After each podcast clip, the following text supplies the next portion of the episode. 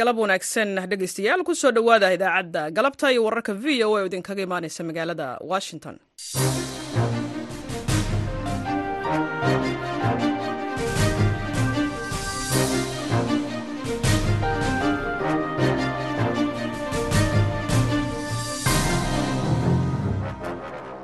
Waa maalin isniin ah bisha februaayo ee sanadka kana waa waxaad naga dhagaysanaysaan mawjadaha gaagaaban ee lix iyo tobanka iyo sagaal iyo tobanka mitrban iyo bogga v o a somaly com.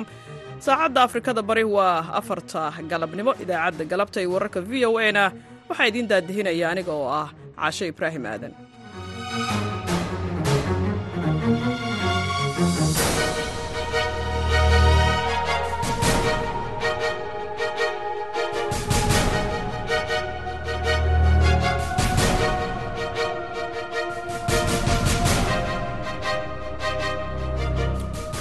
qodobada aad ku dhegaysan doontaan idaacadda galabta iyo wararka v o a waxaa ka mid ah iska hor imaad ka dhacay garoonka magaalada doolow dad is-abaabulay oo shacab ah iyo oo qabiil ah oo wiilkii hore oo uu dhintay oo ninkan maxbuuska oo gorgod ay gacanta ku hayaan dilkiisa lagu eedeeyey inuu dilay isagu oo shalay dacwadiisa la inay yidhaahdeen ninkii baa la qaadahayaa eerboorka laga dhoofinayaa aan ishor taagin oo ninkaa aan la qaadin. Sidaasay dagaalka aad maqasheen sidaasuu ku dhacay.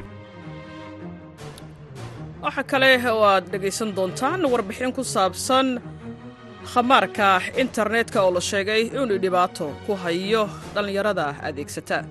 Khasaarada ugu weyn horta waxay ga soo gaartay onexbid maalintii waxa aad soo shaqeeyo boqolkiiba sagaashan xatee marmar waxaa dhacdaana biil xatee tuuran aan asiga asiga ku shubtaba asiguna waa wax qamaaroo micnaa balwadna waa noqdaayoo marna wax way ku faa'iidaysaa marna kuma faa'iidaysa laakiin waxayba kula noqonaysaa marka koowaad asigaa wax ku siinayaba qodobadaasi iyo warar kale ayaad ku maqli doontaan idaacadda galabta iyo wararka v o a intaasoo dhan waxaa ka soo horreeya warka caalamka oo aan idiin akhriyo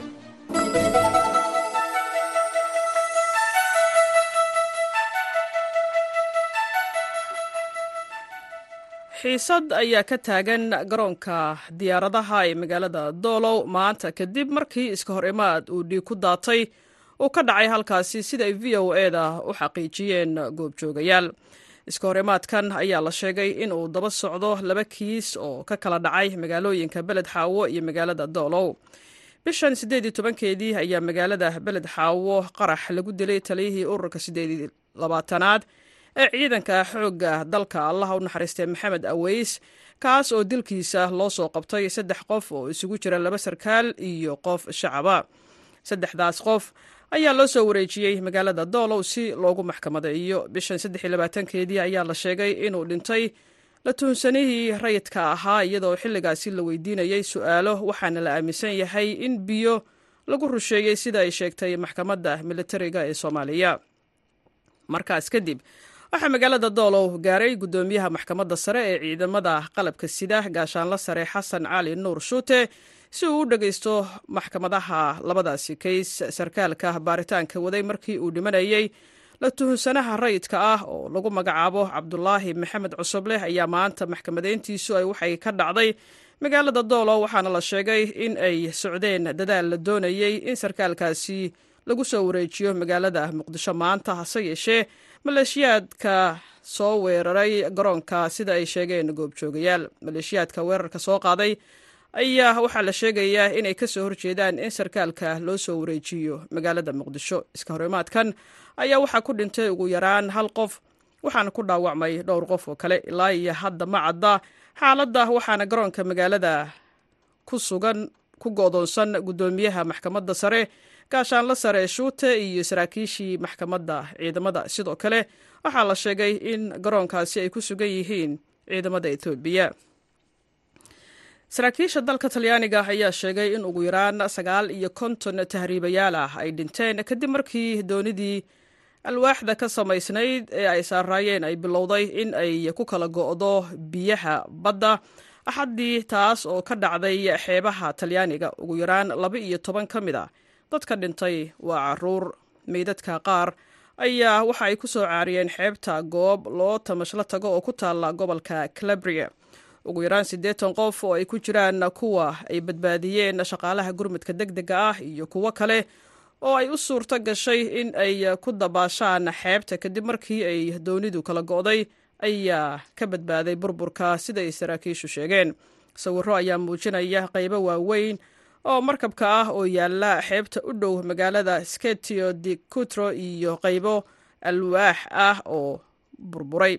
Mid ka mid a ragga markabkaasi la socday ayaa waxaa xabsiga dhigay mas'uuliyiinta dalka talyaaniga kadib markii lagu eedeeyey in uu ahaa qof wax tahriibinayey shirkadda twitter ayaa waxa ay shaqada ka eriday ugu yaraan laba boqol oo shaqaalo ah amaba qiyaastii toban boqolkiiba shaqaalaheeda sida ay goor dambe oo axaddii ahayd ay sheegtay wargeyska new york times taas oo ah wareeggii ugu dambeeyey ee shaqadhimis tan iyo markii elon mask uu la wareegay shirkadda bishii oktoobar ee la soo dhaafay. Shaqa ka fariisintan dhacday habeenkii sabtida ayaa saameyn ku yeelatay maamulayaasha shirkadda saynis yahanada dhinaca xogta iyo sidoo kale injineerada shirkadda taasoo ka caawisa shirkadda twitter-ka in uu ku sii jiro khadka internetka sida lagu sheegay warbixinta ay daabacday new york times iyadoo soo xiganaysa dadka aqoonta u leh arrintan.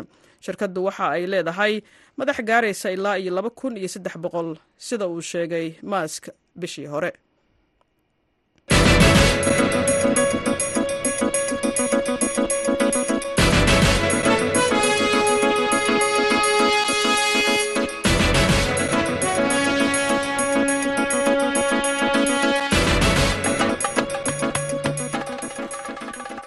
galab wanaagsan ayaan mar kale hawada idinka leenahay. Meel kastoo aad naga maqlaysaan sidaad warkaba ku maqlayseen xiisad ayaa ka taagan garoonka diyaaradaha ee magaalada doolow maanta kadib markii iska hor imaad uu dhiig ku daatay oo halkaasi ka dhacay siday v o eda u sheegeen goobjoogayaal iska hor imaadkan ayaa la sheegay inuu daba socdo laba keys oo ka kala dhacay magaalooyinka beled xaawo iyo doolow bishan siddeed iyo tobankeedii ayaa magaalada beled xaawo qarax lagu dilay allah u naxariistay taliyihii ururka siddeed iyo labaatanaad ee ciidanka xoogga dalka. Maxamed aweys kaas oo dilkiisa loo soo qabtay saddex qof oo isugu jira laba sarkaal iyo qof shacaba. Warbixintan waxaa magaalada kismaayo goordhoweyd ka soo diray wariyaha v o e da aadan maxamed salaad iska horimaadkan saaka ka dhacay degmada doolow ee gobolka gado ayaa waxa uu ka dambeeyey kadib markii ay isku dhaceen ciidamo kuwa oo ku sugan degmada doolow gaar ahaana garoonka diyaaradaha ee degmadaasi iyadoona ay ciidamo ka gadooday sargaal lagu eedeeyey in uu dilay shakhsi ay baaritaano ku hayeen. Saraakiisha maxkamadda ciidamada qalabka sida ee dowladda soomaaliya kaas oo maxkamadayntiisu ay ka socotay degmada doolow ee gobolka gado sida uu v o a u sheegay xildhibaan mustaf maamow geedi oo ka mid ah mudanayaasha baarlamanka jubbaland islamar ahaantana goobjoog u ahaa xilliga weerarka uu dhacayay hadda si hordhacay horta bu waa arrinta weli waa qasan tahay. Waxaa hadda laakiin soo gaaraysiiya ciidamadii oo eelboorka ilaalinaysiyarinta uu dhintay. Allah u naxariisto. Taliya ku-xigeenka nabad asaga naftigiisa dhaawac waxbaa soo gaaraya maqlaya marka garoonka shacib badanna waa ku jireen. Marka tiro rasmiga kuma siini karin laakiin dhimashana waa jirtaa dhaawacna waa jiraa khasaare badanaa jira. Waa tahay. Eeraboodka yaa joogay oo la soo weeraraya airbortka markaas waxaa ku sugnaa qolo gorgor eh iyo taliyaha nabad sugidda iyo maxkamadda. Yaa soo weeraray ciidan is aruursaday oo yarka habeenka hore la dilaayay qabiilkiisa ah oo qabiil ah oo dhinacna dowladdana ka ah ayaa ayaa ayaa soo weeraray marka maxay doonayeen dhallinyarada weerarka soo qaaday? Dhallinyarada weerarka soo qaaday waxay doonayaan yarkii oo habeen hore baaritaanku ku dhimanayay ninkii baaraya oo gacantiisa ku dhimanaya ayaa ilaa waa ilaa waa dilayna intaana lagu dilay leeyahy gartay maxkamadeedaba dhammaanin oo maxkamadana shalayaa la bilaabay dhegaysiga marka waan dilaynaa leeyahy ciidankana waa la ishor fadhiyaa xaaladda laakiin jawi ahaan hadda magaalada way degan tahay. Garoonkana magaalada ilaa iyo shan kilomitr oo kale u jiraayo marka jawiga magaalada waa degan yahay. Garoonka waa meesha hadda la isku hor fadhiya jenaraal jamaal xasan sarey taliyaha ciidanka nabad sugidda gobolka gado u qaabilsan dowladda soomaaliya ayaa dhankiisa v o a uga warramay sida ay wax u dhaceen iyo xaaladda guud ee degmada doolow ee gobolka gado. Waxaa soo baxday ciidamo militariga ah oo ayaantaanba oo maxbuuska hayay oo ayaantaanba geedi iyo safar ku jiray oo oo gobolka dib looga celinayo gorgor la yidhaahdo inay diyaarad u timid ciidankaasu inay baxayeen safarkoodii inay sii wataan lagu soo amray wixii harsanaa arrintaa markay dhacday nimanka ninka maxbuuska ana ayagaa hayay ciidankaas baa gacanta ku hayay. Dad is-abaabulay oo shacab ah iyo oo qabiil ah oo wiilkii hore oo uu dhintay oo ninkan maxbuuska oo gorgod ay gacanta ku hayaan. Dilkiisa lagu eedeeyey inuu dilay isagu oo shalay dacwadiisa la inay yidhaahdeen ninkii baa la qaadahayaa airboortka laga dhoofinayaa. Aan ishortaagin oo ninkaa aan la qaadin. Sidaasay dagaalka aada maqasheen oo wax ka airboortka ka dhacay sidaasuu ku dhacay. Dhimasho dhimashada waa laba qof. Laba qof weeye. Oo mid uu sarkaal yahay oo taliyaha ka ahaa taliyaha saldhiga airboortka ninkii ahaa uu yahay yaa ku dhintay. Dhaawac adugu ilaa toban qof gaarayana oo shacab iyo askartiba shacab iyo askartiba isugu jirtoona wuu jiraa saasay wax u dhaceen warar baa sheegaya in askar etoobiyaana oo goobta joogay ay ku dhinteen taa maxaa ka jira arrintaasu dhaawac anigu waa huba oo goobta joogay laakiin dhimasho ma xaqiijin karo arrintaas dhimasho labaa la hubaa gartay waa dhinacyadii dagaalamay iyo dad shacab oo intaba xabaduhu ay meelaho meelo kala duwan ay ku haleeleen xabadii la isku ridaayay inkastoo xaaladda guud ee degmada doolow ay degan tahay haddana waxaa soconaya waanwaan kala duwan oo la doonayo in lagu qaboojiyo xiisada ka taagan garoonka diyaaradaha degmadaasi iyadoona ilaa iyo hadda ay weli ishor fadhiyaan dhinacyadii dagaalamay. Balse saraakiisha ciidamada ee ku sugan degmadaasi ayaa sheegay in ay wadaan qorshayaal lagu duminayo xiisada ka taagan degmadaasi. Aadan maxamed salaad v o a magaalada kismaayo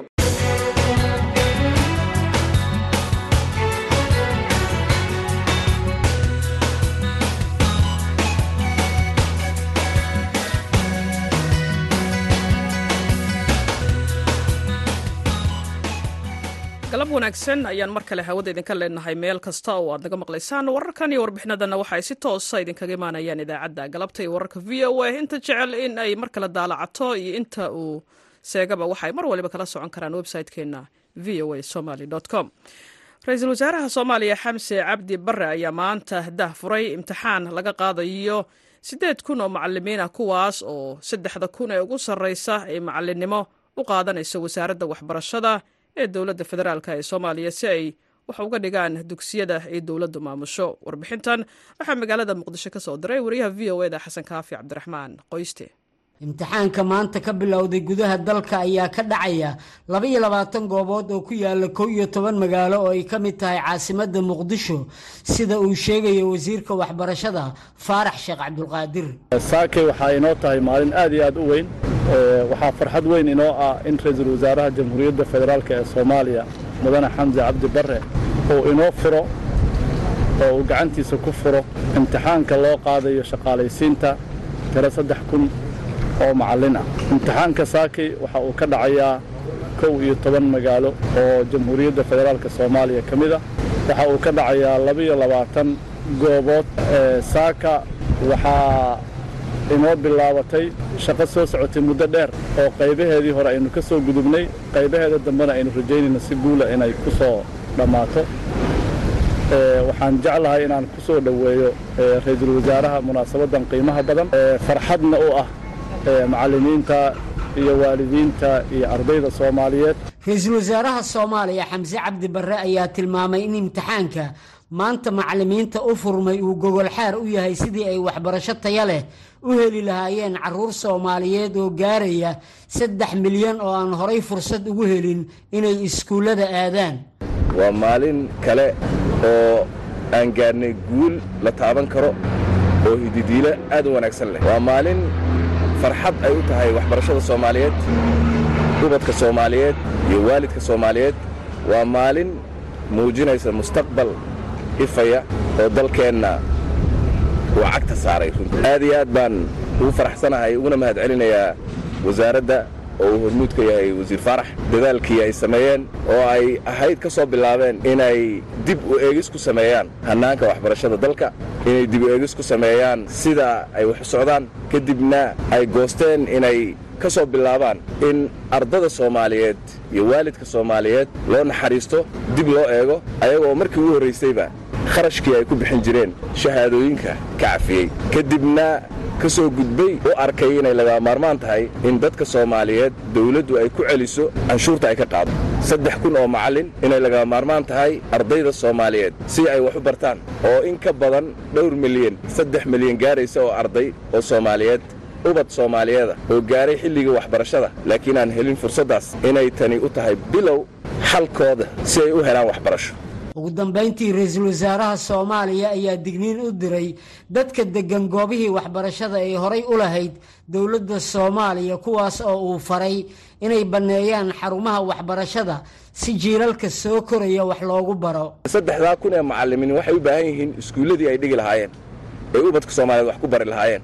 Deegaannada marka la deggan yahay ee asalkoodu ay lahaayeen hay'adaha waxbarashadu waxaan codsanaynaa meel kastooo waddanka la joogo ama caasimadda ha ahaato ama dawlad goboleedyada ha ahaato meel kastoo la joogo dadka soomaaliyeed.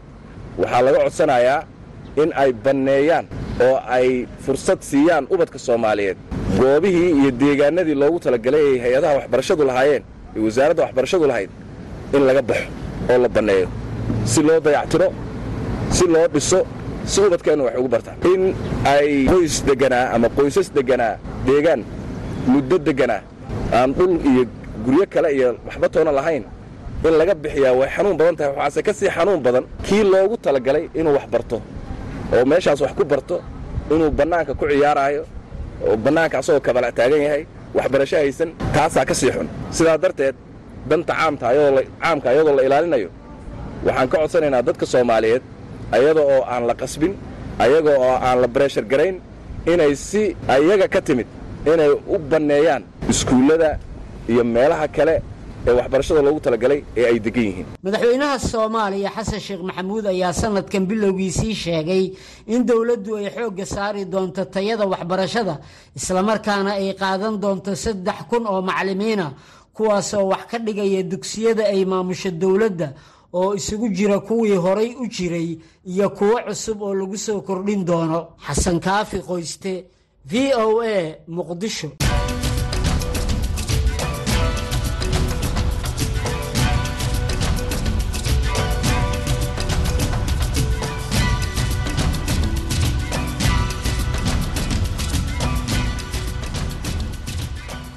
galab wanaagsan. Jaaliyadda soomaalida ah ee gobollada virginia iyo maryland ee deriskala ah magaalada washington d c ayaa xalay xaflad ay isugu yimaadeen dhaqaalo ugu deeqay dadka rayidka ah ee ay waxyeelada ka soo gaartay dagaalka ka socda magaalada laascaanood kulankan waxaa ka qayb gashay warbixintanna ka diyaarisay sahre cabdi axmed xubnaha jaaliyadda soomaalida ee kulankaasi isugu yimid ee ku deeqay dhaqaalaha boqolka kun ee dollar ah ayaa waxa ay sheegeen in lacagtaasi lala barbar istaagayo shacabka barakacay iyo sidoo kaleeto dhaawacyada ku jira isbitaalaadka magaalada laascaanood kuwaasi oo la sheegay in daawooyinkii ay gabowsi ka sii yihiin dhakhaatiirtuna ay ku yar tahay.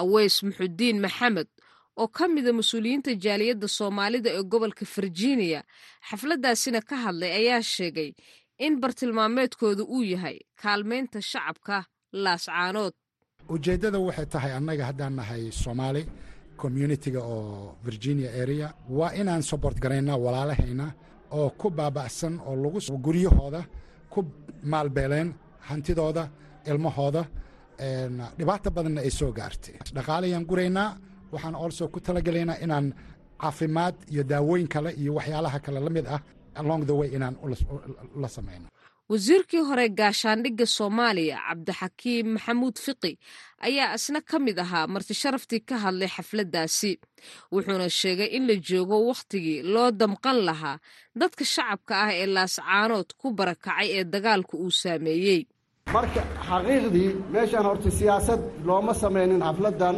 xafladdan waa funraising waxaan rabnaa marka soomaaliyeed waxaad ka soo qaadaan imaajin maanta gurigaagii inaad ka qaxday oo aadan waxaad wax aad wax alla waxa aad lahayd oo dhan aad ka tagtay ood ka carartay oo aad taagan tahay meel cidlo ah oo aan lahayn kursi lahayn sariir lahayn alaab wax lagu karsada lahayn daawo lahayn iskuul lahayn oo ilmahaagii adiga aad la qaxday aad la qaxdayn ay kulu jiraan ka waran marka xaqiiqdii waxaan u baahannahay oo waajibna nagu tahay soomaali soomaaliya haddaan dareen leennahay soomaalinimo ay nagu jirto inaannu maanta garab istaagno reer s s c oo aan jaabka gacanta gelinno.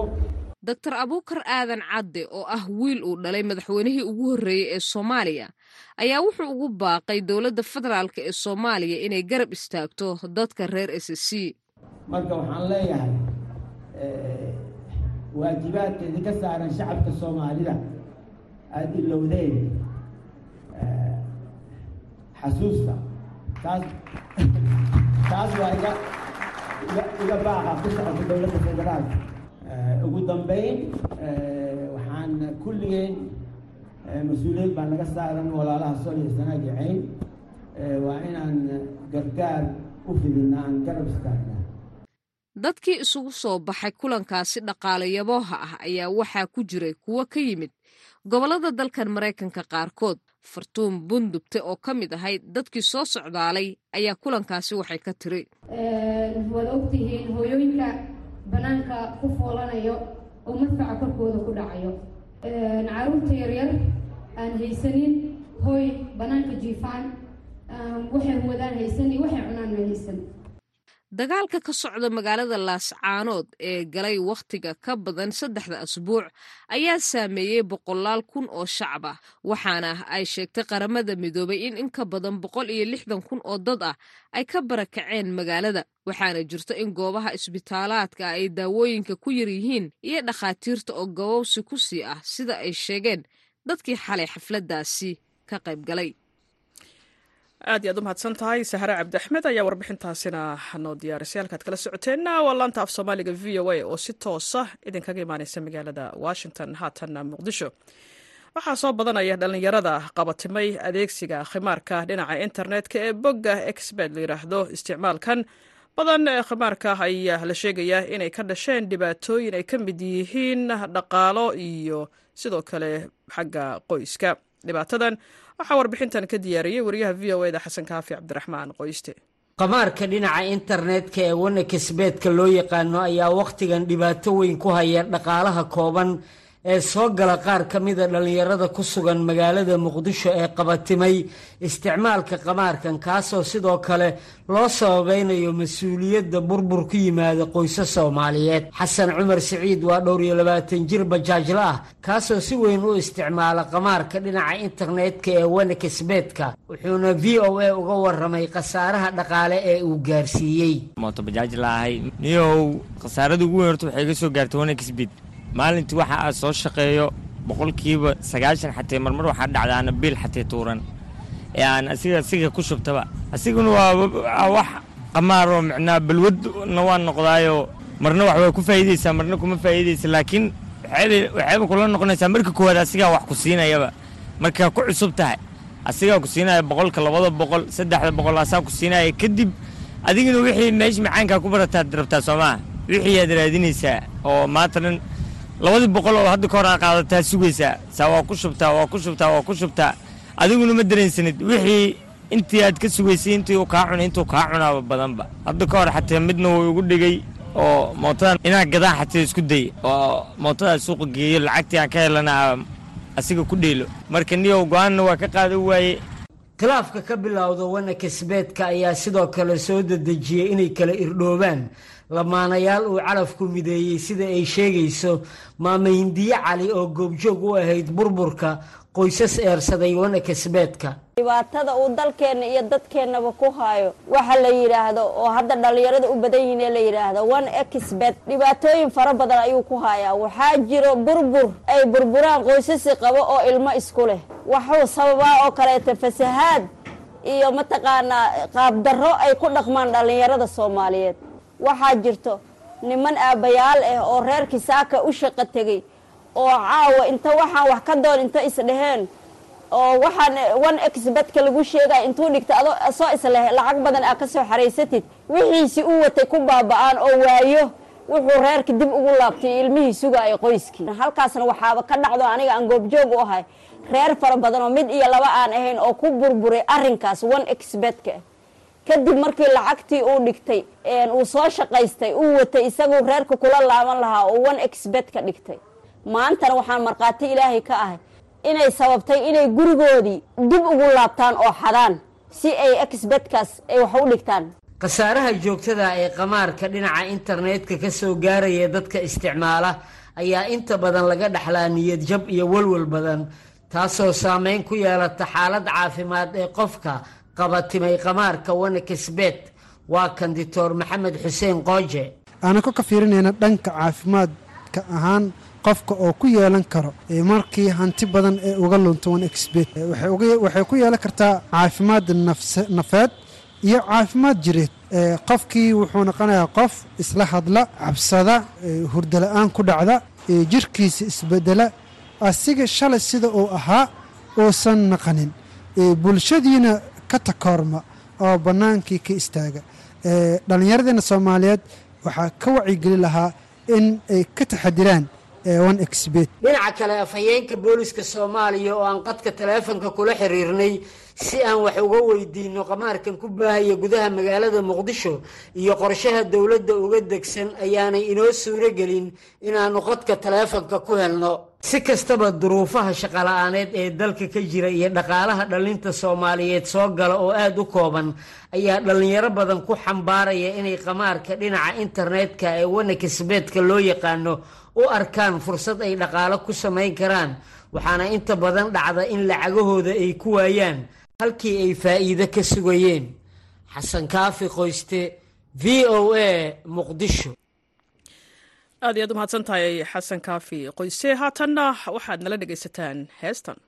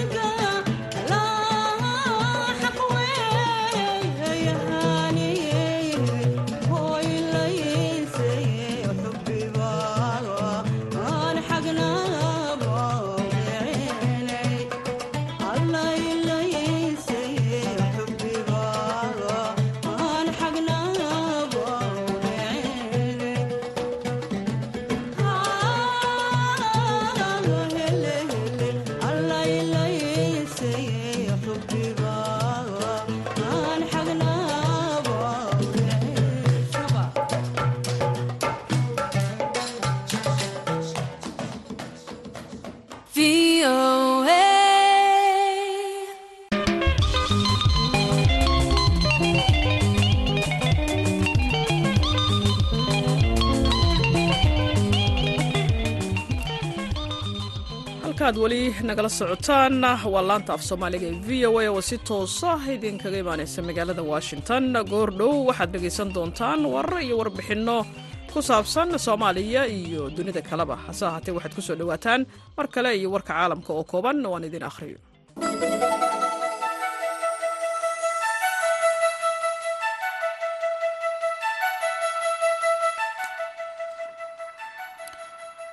xiisad ayaa ka taagan garoonka diyaaradaha ee magaalada doolow maanta kadib markii iska horimaad uu dhiig ku daatay ka dhacay halkaasi siday v o eda u sheegeen goobjoogayaal.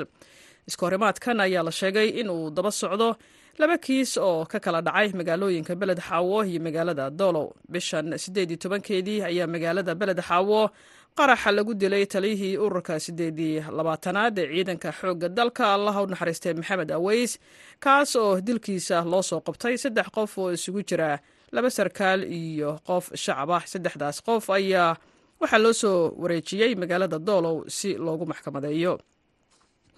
Saraakiisha dalka talyaanigana waxay sheegayaan in ugu yaraan sagaal iyo konton tahriibayaal ah ay dhinteen kadib markii doonidii alwaaxa ka samaysneyd ee ay saaraayeen ay bilowday in ay ku dul go'do badda axaddii taas oo ka dhacday xeebaha talyaaniga ugu yaraan laba iyo toban. Ka mid ah dadka dhintay waa carruur meydadka. Qaar ayaa waxa ay ku soo caariyeen xeebta goob loo tamashlo tago oo ku taala gobolka calabria.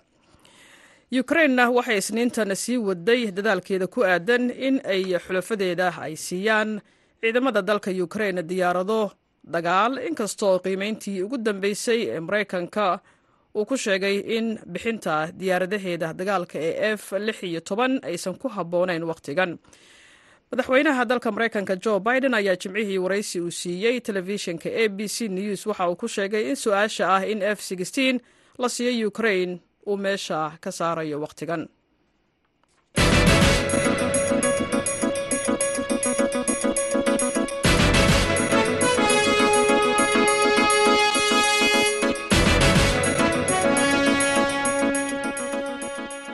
galab wanaagsan meel kastoo ad naga maqlaysaan haatanna dhegeystayaal waxaad ku soo dhowaataan xubinta dooda gaaban. Waxaa inoo haysa wariyaha v o eda saynab abuukar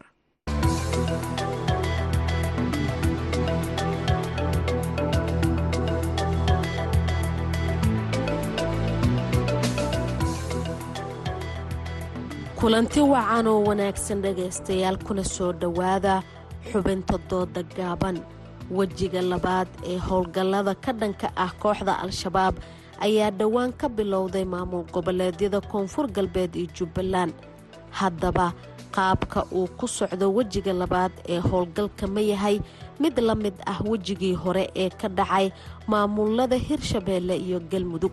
Waa mowduuca ay doodeenna ku saabsan tahay waxaa doodaygala qaybgalaya daahir cabduqaadir dirir iyo nuur sheekh cusmaan sheekh cabdulaahi oo labaduba ka mid ah dhallinyarada aqoon-yahanada soomaaliyeed waxaana su'aasha jawaabteeda ku horeeyey daahir cabduqaadir walaalkay nuur sheekh cusmaan iyo weliya seynab waa salaamaya anigu waxaan aaminsana wejiga labaad ee nimankan nabaddiidka dalka looga sifeynayo si fiican buu ku bilowday si fiican buuna ku socdaa.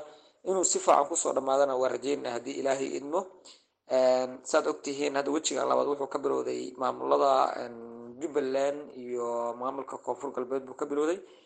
Inuu soo gabagabooba oo meel fiican ay gaaraanna waa rajeyna haddii ilaha yaraado. Horey saad ogtihiin maamulada hirshabeelle iyo koonfur wuxuu ka bilowday galmudug in uu asana miro dhalo oo howlgalka wejigiisa labaad miro dhalana waa rajeyna haddii ilaha yaraado saa ogtiin madaxweynaha qaranka wuxuu go'aan ku qaatay nimankan intuu isagu joogo in la soo afjaro.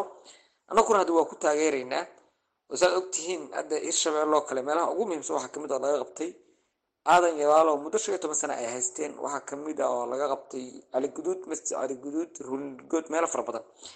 Marka dooda anugu waxaan fikriga ka qabaa haa wejiga allah si fiican buu ku socdaa si fiican inuu ku soo gagooran waa rajeynaa haddii la yiraahdo nuur sheekh cusmaan bismillahi raxmaan raxiim aad baad umahadsan tihiin walaalkay daahir aad buu umahadsan yahay waa ku faraxsanahay runtii aragtidaada waana soo dhoweynayaa runtii waxa weeyaan horta howlgalladii muddadaba ka socday waddanka oo nimanka al-shabaab ama khawaarijta looga xoreynayo waddanka wax badan baa horta laga bartay. Waa laakiin aragti ahaan anigu waxaan qabaa maya sidii loo baahnaa uma socdaan waayo waxaan ognahay nimankii howlgallay sameeyaan dhacdooyinkan inkastoo ay mar walba samayn jireen. Haddana awood aan la dhayalsan karin baa meesha jirta. Waxaa weeyaan nimankan waxaa la rabay in qiimeyn lagu sameeyo. Maxaa hoosu dhacay maxaa korukaco ku yimid nimankan? Face togii intaan la gaarin. Face onkii galmudug iyo hirshabeelle maxaa qabsoomay? Magaalooyinkii laga xoreeyey maxaa isbedeloo yimid maxaa taageero oh lumiyeen. Waxaan ognahay gobollaa la qabtay degmooyin baa la qabtay amiiradii sidii bay u shaqaynayaan. Haddii waxaan aan qiimeyn lagu samayn oon gebagebo lagu samayn oon wixii shalay aan la soo bartay tan xigtana hadee wax natiija laga gaari maayo waxaa la doonayaa waxaan in run laga sheego oo dagaalku uu dhab noqdo. Waxaan ognahay in degmooyinkii la xoreeyey oo galmudug iyo hirshabeelle weli aan laga sifaynin marka facebookiisee lagu gudbaya horta haddaaban qorshihii aan la dhammaystirin koowaad qorshaha labaad si uu ku bilowdo way adkaanaysaa way. Marka waxaa ila tahay qorshuhu sidii loo baahnaa uma socdo. Annagu waxaan filaynay mar haddii bulshadii la abaabulay oo shacabkii la abaabulay oo shacabkii iyaga oo dowladdii ka horreeya ay dagaalkii bilaabeen. Horta face onekaas in la gebagabeeyo markii la soo gebagabeeyona deegaanada kale howlgallada laga bilaabayo. Sidii tan loo bartay oo kale looga bilaabo. Waayo dowladdu ma ayna samayn hordhaqaaqa hadda la sameeyey soddon degmo iyo dheeraad baa laga xoreeyey nimankii laga sifeeyey. Dadka sifeynayana number one waxaa ka ahaa dadka deegaanka abaabulan. Marka dadka deegaanka abaabulan baa number one ah waxaan aaminsanahay face two-gana haddii la bilaabayo tan markii la soo gebagabeeyo in beelihii iyo abaabulkii bulshada lagu bilaabaan aniga qabaa. Mana aha baan is leeyahay runtii gaabiska hadda jira iyo waxa la tabayo. Waa wax meesha ku jiraan is leeyahay marka saasaan aragti haddii aan dib kugu soo noqdo daahir waad dhegaysanaysaa sheekh nuur waxa uu qabaa in aanay u soconin howlgallada qaabkii loo baahnaa. Adigana waxaad qabtaa inay u socdaan si la mid ah wejigii koobaad maxaad ugu jawaabi lahayd dooda nuur? Walaal seenabay dooda walaalkay nuur sheekh waxaan kaga fikir celinayaa anigu waxaan aaminsanahay dadka soomaaliyeedna ay ogyihiin oo markhaati madoonto ah fayskii koowaad ama wejigii koowaad oo nimankan lagula dagaalamay khawaarijta ah horta wuxuu ka bilowday dad is-abaabulay oo deegaan deegaanadoodii u adkeysan waaya dhibaatadii nimankaas ay ku hayeen kabacdii dadkii is-abaabulay iyo dowladdu isgarabsanaysa nimankaas waxay shabaabka waxay ka gaartay guulo fara badan meelo badan baa laga qabtay waad ogtihiin inta degmo laga qabtay oo hirshabeelle ku taal oo aadan yabaal ay ka mid tahay oo caliguduud ay ka mid tahay oo rurnirgood ay ka mid tahay maba la tirin karo. Hadde galguduudna degmooyinka ugu waaweynaa baa laga qabtay sida maarata xarar dheere iyo ceel dheer iyo wixii la mid ah. Waxaan kaloo hadda ognahay in deegaanadan koonfurta mudug bahalkiisha galguduuda inay hadda hareereysan yihiin sida ceel buuriya wixii la mid ah oo hadda go-doon ba la geliyay xisaar waxaan rabaa walaalka inaan uga jawaaba facekii koobaad hadduu saa ku bilowday meel fiicana laga gaaray. Faceka labaad dadka in encouragement lagu sameeyo oo la dhiirageliyo oo ayagii inay is-abaabulaan laga shaqeeyo waa muhiim. Hadda sidaan ognahay koonfur galbeed iyo jubbaland ba wuu ka bilowday. Waxaan rabaa inaan hadalkii hore jubbaland wuu ka bilowday howlgalku koonfur galbeedna wuu ka bilowday. Nimanka markii laga xoreeyey oo inta badana lagula dagaalamay hirshabeelle iyo galgudud ba lagu dagaalamay iyo mudug ama galmudug waxaa doonti dheh waxay badanaa ku jabeen inay gobollada koonfurta aadaan. Marka qorshuhuna balaanka markii la gelayo xeelo dagaal baa la isticmaalaya qorshuhu hal mar nimankaa lama soo aftiri karo. Midda kale walaalka sheekh-nuur wuxuu yiri amiiradii iyo wixii baa tabanka u shaqeynaya. Nimankan sidooba waa burcad waa yacni waa sida niman mooryaano inta luuq galay hadba wax meel ku dhuftay ama waxaad ogtahay hadda qaraahayda fara badnaa muqdisho ay garan jireen waa laga raystay alxamdulilah waxaa hadda haray in ayaga dabartirid lagu sameeyo oo howlgalku ay socdaan. Marka walaale anigu waxaan rabaa inaan walaalkii ku qanciyo. Wejigii koobaadna si fiican buu ku soo dhammaaday. Deegaanadii laga qabtay weli waa la hayaa. Waxaa loo sameynayaa dadkii hadda wasiirka arrimaha gudaha galmudug oo ayaan dhaweyto madaxweynaha galmudug iyo wasiirka arrimaha gudaha soo ayaan dhaweyto waxay sheegeen deegaanadii laga qabtay in hadda dadkaas nolol loo sameynayo oo dadkaasu aysan waxbarasho haysan caafimaad haysan biyo aysan haysan. Marka dadkii degmooyinkii la qabtaan recovery baa loo sameynayaa kuwo cusubna waa loo sii socdaa. Halgankan wejiga labaadna waa bilowday inuu guuleystaan rajeynana annaku waxa dhalila hadda uma aragno. Haye nuur sida daahir uu ka dhawaajiyay ma kula tahay in tallaabooyin la qaado oo ay dadaalla socdaan. Marka la eego wejiga labaad ee howlgallada ka bilowday maamul goboleedyada koonfur galbeed iyo jubbaland. Waad mahadsan tahay walaal. Waxa weeyaan horta dadaal marna dadaal la'aan maba la ahayn oo dadaalka waa la waday.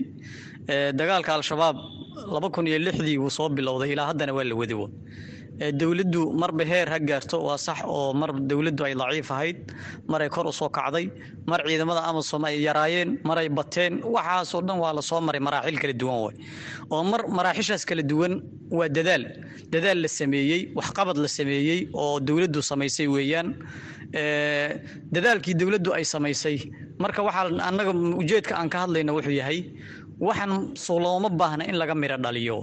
Al-shabaab waa koox yar oo qowlaysato ah oo waxa weeyaan aan dowlad ahayn aan dowlado si toosa u taageero oo maanta la ogyahay ayna jirin dowladdii marka soomaaliya oo hubka la siinayey oo dhaqaalaha la siinayey oo la dagaalanka argagixisada intaas oo malyan lagu bixinayey inay maanta qorsho la'aan ahaato wax caqliga geli kara ma ah qorshuhu waa in la bilaabaa haddana la dhammaystiraa waxaa weeyaan dowladdu afar sanay haysataa war afartaa sano ma sidii afartii horeo kale ay al-shabaab nagu barbaareen bay ku barbaarayaan maya.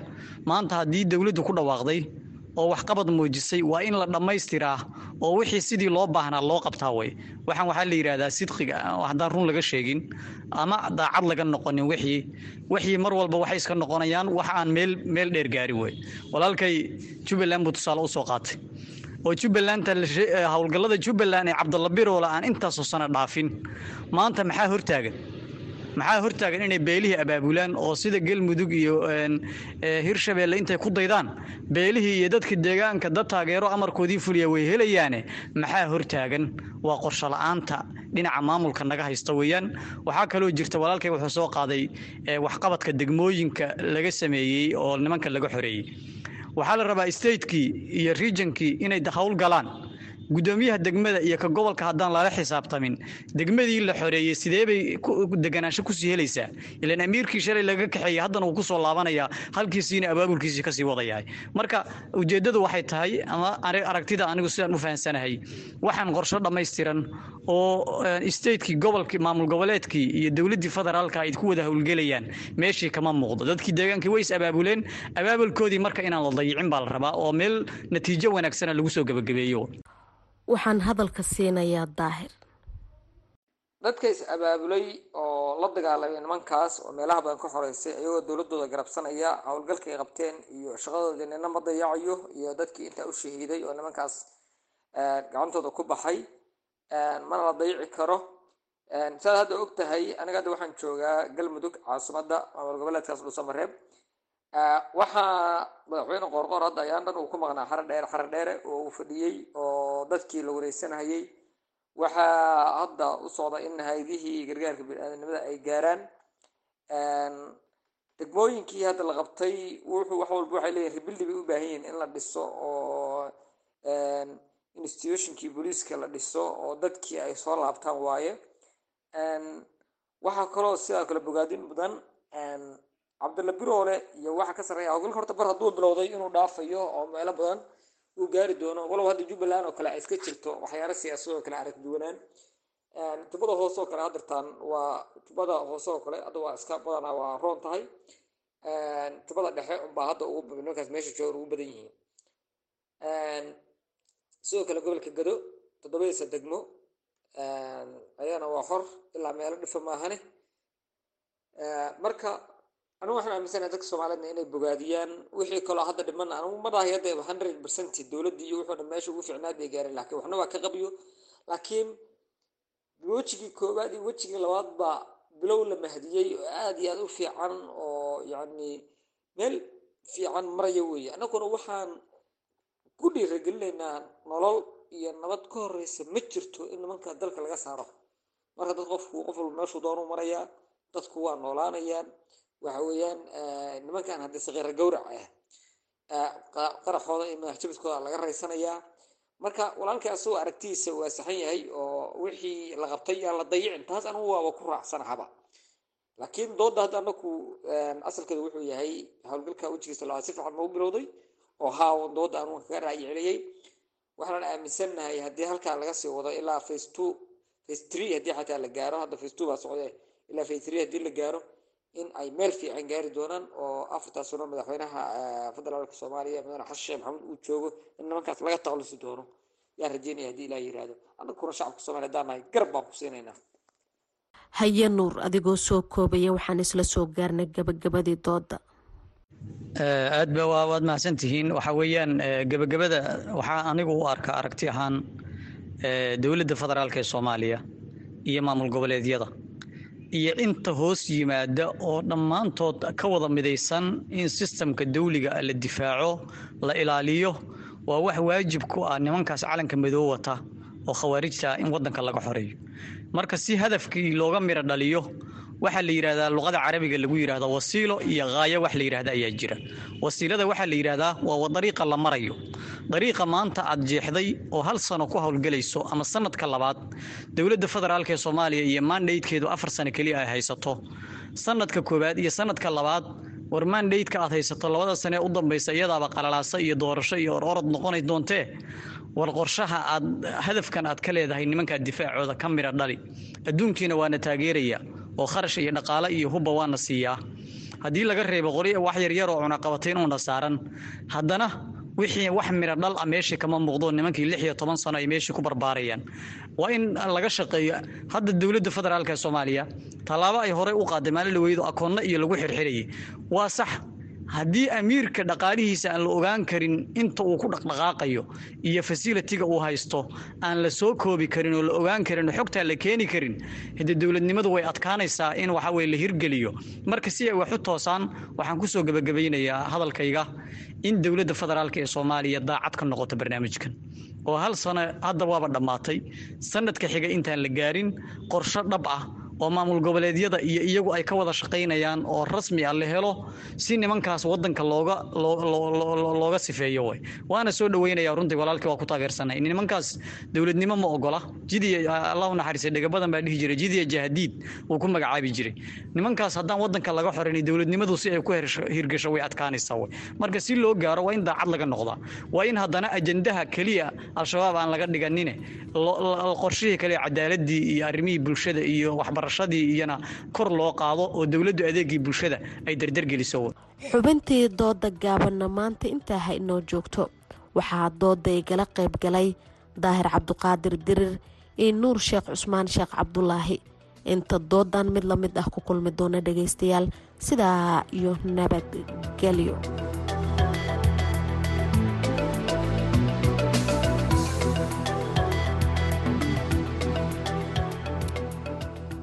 aaday u mahadsan tahay seynab abuukar xubinta dooda gaaban ayaan halkaas uga gudbaynaa. Magaalada muqdisho ay ku soo diyaarisay intaanan magaalada muqdisho ka soo tallaabeen xubintii cayaaraha toddobaadka uu inoogu diyaariyey magaalada muqdisho. Waa kan mahad cali xidir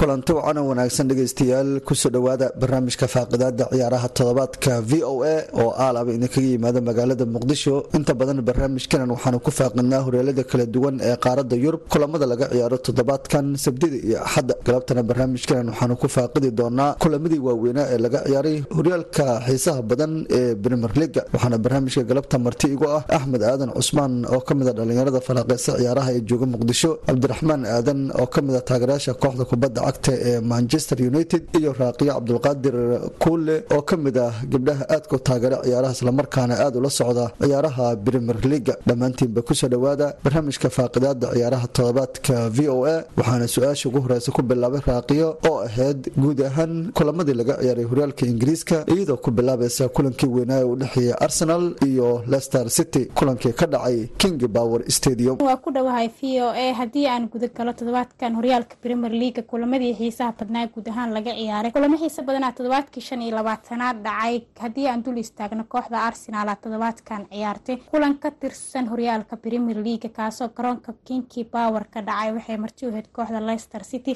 Kulankaasoo ku soo idlaaday gool iyo eberdhalyaha goolkan wuxuu ahaa gabriel martineri arsenaal oo moodid xil ciyaareedkan inay foom fiican ku jiraan michael arteta wiilashiisa oo xil ciyaareedkan horyaalka uu ka go-an yahaa toddobaadkan guul kale qurux badan gaartay arsenaal xil ciyaareedkan waxaa ka go-an horyaalka premier leaga inkastoo dhaawacyo ay qabaan haddana michael arteta wiilashiisa guulaa ka go-an xil ciyaareedkan reer arsenaal sanadkan madaxa u deganaa dhihi karaa. Kulamo kaloo xiiso badanaa toddobaadkan la ciyaaray waxaa qeyb ka ahaa kooxda manchester city oo qudheeda ciyaartoo dhahday aliilehe arsenaal toddobaadkan anna kama haraayo waana adkaana. Nottenham forest ee kulankaas afar dhagaa ka geliyay reer manchester city qudhooda madaxa waa u degan yahay farqiga horyaalkana waa ay soo yareeyeen oo labadii dhibcood ay ku soo koobeen. Reer manchester city toddobaadkan mar kale alfares iyo halana qeyb ka ahaa xidigaha shabaqa tageen oo afarta gool wax ka dhaliyeen manchester city iyo arsenal sanadkan waxaa moodaa inay horyaalka premier league ay ku loolamayaan xil ciyaareed qurux badan oo noqon doona xil ciyaareedkan. Waa mahadsantaa raaqiyo waxaa siinaya cabdiraxmaan ibraahim. Cabdiraxmaan ma kuu muuqataa adiga inay kooxda kubadda cagta arsenal ay qaadi karto horyaalka ingiriiska maadaama laba dhibcood ay ka sareyso kooxda man city? Horyaalkan weli ma dhammaanin horyaalkan waxaa waaye weli kale barkii lagu maraya ilaa hadda arsenal waxaa laga dareemayaa inay horyaalka u tartamayso oo sanadihii hore siday aheen. Sanadkaas wax badanaa laga arkay laakiin muu maleynaya inay horyaalkan arsenal qaadayso inkastoo ay joogta naadi shan sano lixda sano had u dambeysa shan horyaal qaaday oo man city oo macalin weyn wato beb guardiola muu maleynaya inay arsenal sanadkan si sahlan ku qaadi doontid si sahlan inay ku qaadi doonto maadaama ay joogta naadi lixda sano oo shan sano ka mid ay qaaday. Horyaalkan waxaa maleynaya inay man city qaadi doonto inkastoo arsenal ay tahay naadi saa'id u tartamayso markaan sanadkan ay dhab ka tahay tartanka. Afarta ugu sarreysa horyaalka ingiriiska yaa isleedaha u saadaalinaysaa inay sanadkan ku dhammaysan doonaan? Waxaa sanadkan afarta oo inkastoo afarta saddex ka mid ah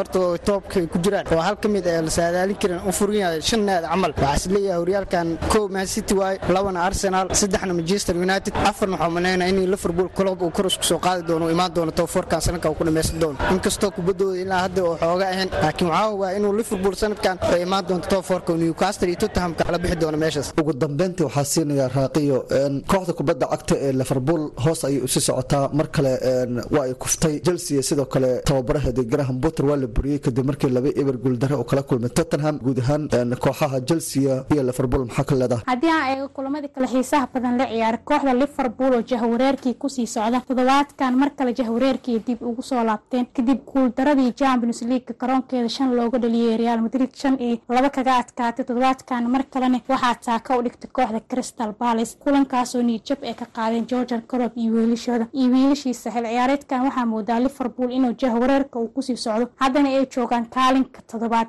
Dhanka kalena waxaa ciyaartay toddobaadkan kooxda chelsea kulan xiiso badan. Kulankii xiisaha badnaa ee london derby ka dhacay garoonka tottenham kulankaasna wuxuu ku soo ilaaday labii eber oo chelsea looga adkaaday waxaa moodaa garham botter iyo wiilashiisa xil ciyaareed qarow inay ku jiraan. Toddobaadkana marka laga adkaaday tan iyo bishii january ilaa hadda chelsea waxaa moodaa koo iyo tobankii kulan ee horyaalkii ciyaartay. Oo hadeertaan dugta ee ku sii socoto reer chelsea marka waxaa waaye xil ciyaareedkan xil ciyaareed qurux badan oo aad baad umahadsantihiin kuwaasi waxay kala ahaayeen axmed aadan cusmaan cabdiraxmaan ibraahim iyo raaqiya cabdulqaadir kuule oo dhammaantoodba igala qaybgelayay barnaamijka faaqidaada ciyaaraha toddobaadka v o a. Tan iyo kulankan kiisa xiga waa mahad cali xidar oo idinkaga tegaya sidaas iyo nabadgelyo. Aad iyaad u mahadsan tahay mahad weli waxaad dhegaysanaysaan tabintayada galabta iyo wararka v o a oo si toosa idinkaga imaaneysa magaalada washington. Haatanna waa kaalimihii heesaha dabacsan